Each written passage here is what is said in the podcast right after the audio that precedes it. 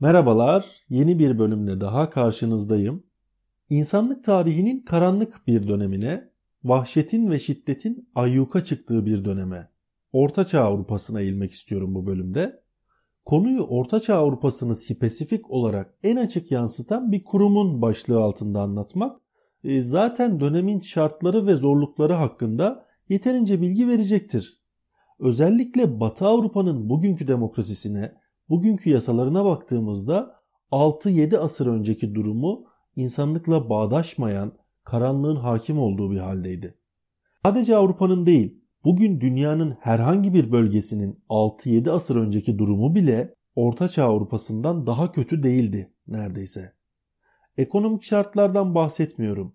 Ortaçağ Avrupa'sının vahşeti ve geliştirdiği işkence yöntemleri dudak uçuklatan cinstendi. Her dönemde e, otorite tarafından baskı ve zulümlere maruz kalmış kesimler oldu elbette.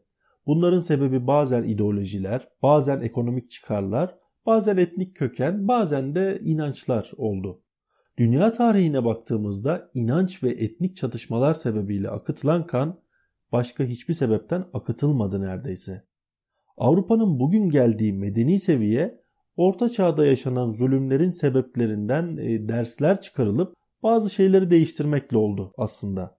Tabi bu e, birkaç yılda olan bir değişim değil. Kiliseye karşı başlayan direniş, protestanlığın yayılması, aydınlanma süreci tüm bunlar yüzyıllar içinde Avrupa'nın bugünkü zeminini hazırladı.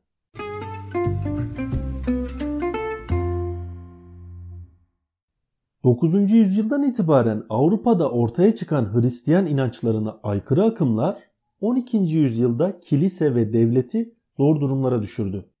Sadece dini sahada kalmayarak sosyal, siyasi ve ekonomik alanda da problemler olmaya başladı. 12. ve 13. yüzyıllardaki kültürel ve sosyal gelişmelere paralel olarak kilisede de önemli teşkilat ve doktrin yenileştirmeleri oldu. Manastır hayatındaki yeni düzenlemeler e, batıda manevi merkezler meydana getirdi. Kilise din üzerinde birleştirici bir rol aldı. Bu da manevi birliğin doğmasına ve Avrupa'nın bir Hristiyan dünyası haline gelmesine yol açtı. Bütün bunların sonucunda 12. yüzyılın sonu ve 13. yüzyılın başlarından itibaren kilisenin inisiyatifinde bir adli ve cezai mekanizma oluşmaya başladı. Bu mekanizma Engizisyon mahkemeleriydi. Engizisyon mahkemeleri Güneybatı Avrupa'da 13. yüzyıldan itibaren görülmeye başlanan ve bilhassa Hristiyanlıktan dönen ve dini esaslara baş kaldıran kimseleri kısmen de Yahudi grupları veya e, konvertoları yani Hristiyanlaşmış Yahudileri yok etmek maksadıyla kuruldu. Yani kilise tarafından kabul edilen öğretilere aykırı hareket edenleri yargılamak için kurulan Katolik inanç temelli mahkemelerin genel ismiydi bezdirici, baskıcı soruşturma ve sorgulama anlamına gelen kelimeden türemiştir.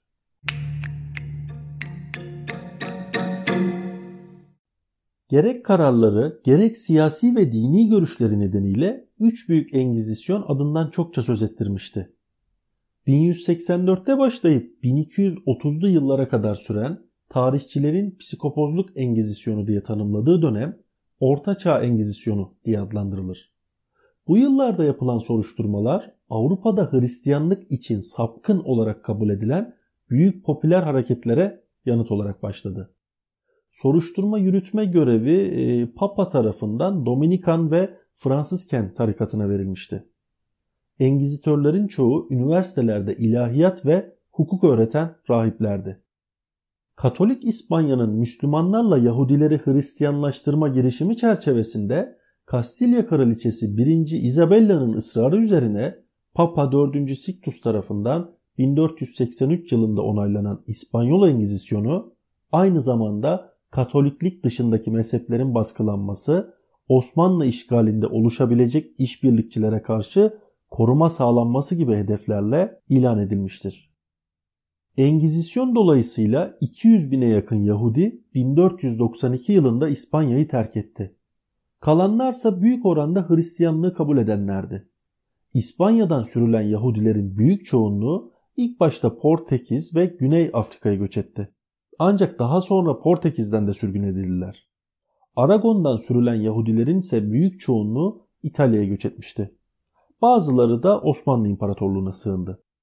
Roma Engizisyonu Roma Katolik Kilisesi'nin savunduğu öğretiyi korumak için Papa 3. Paulus tarafından 1542'de kuruldu. Genel olarak Kalvenizme ve Luthercilere karşı savaş açmıştı. Roma Engizisyonu cadılık ve büyücülükle de uzun yıllar mücadele etti. Bir manastıra ya da e, psikoposun sarayına yerleşen Engizisyon sorgucusu daha sonra halkı kiliselerde toplayıp uzun uzun vaazlar veriyordu. Amaç yerel halkla ilişkileri sıcaklaştırmak ve onların güvenini kazanabilmekti.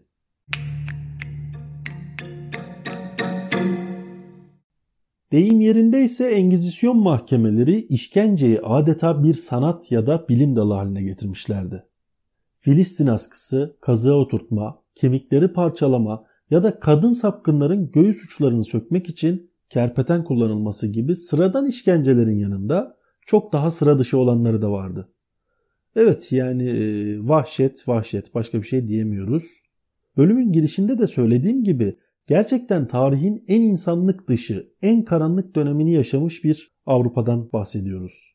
Kaynakları biraz taradığınızda veya işte Engizisyon işkenceleri diye bir Google'da arama yaptığınızda spesifik olarak işkence türlerine ulaşabiliyorsunuz ama e, ben burada anlatmayı tercih etmiyorum. Zira amacım işkence türlerinden ziyade o dönemin genel durumuna ve şartlarına ışık tutabilmek.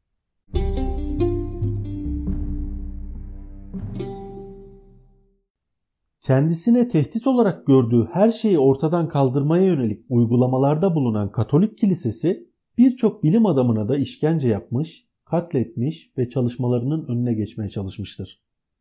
Bunlardan biri de 16. E, yüzyılda yaşamış İtalyan filozof, rahip ve gökbilimci Cordano Bruno'dur. Aristotelesçi kapalı evren görüşünden ilk sıyrılanlar arasında yer alan İtalyan filozof Kopernik'in tezini savunmuştu.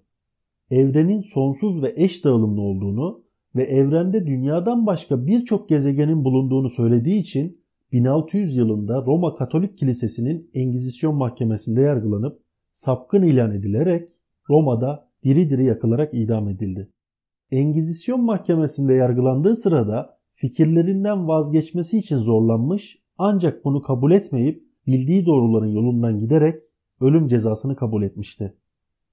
Bir diğer bilim insanı ise 1564 ile 1642 tarihler arasında yaşayan İtalyan fizikçi, matematikçi, gökbilimci ve filozof Galileo Galilei'dir. Evrenin güneş merkezli olduğunu ve dünyanın güneşin etrafında döndüğünü söylemişti. Kilise ise dünya merkezciliği kabul ediyor ve güneşin dünya ekseninde döndüğünü savunuyordu. Güneş merkezli savunuyu Hristiyanlığı aykırı bulan Engizisyon, Galileo'yu yargılamaya başladı. İki kez mahkemeye çıkarılan Galileo'ya ilk yargılamada söylediklerini inkar etmesi şartıyla idamının iptal edileceği söylendi. Galileo e, yaşamını biraz daha uzatmak için görmedim, duymadım ve bilmiyorum dedi ve böylelikle idam sehpasından kendini kurtarmıştı. İkinci kez yargılanması ise e, dünyanın iki esas sistemi üzerine Diyaloglar adlı Kopernik'in kuramını tartışan iki adamı anlattığı ve gizliden gizliye düşüncelerini yaymaya çalıştığı kitabı yüzünden oldu. Galileo bu sefer de yine ölüm korkusu ağır bastığı için veya işte o zamanki başka sebeplerden dolayı düşüncelerini reddetmiş ancak kısık sesle ben ne kadar dönmüyor desem de dünya dönüyor diyerek ölümden kurtulup ömür boyu hapis cezasına çarptırılmıştır.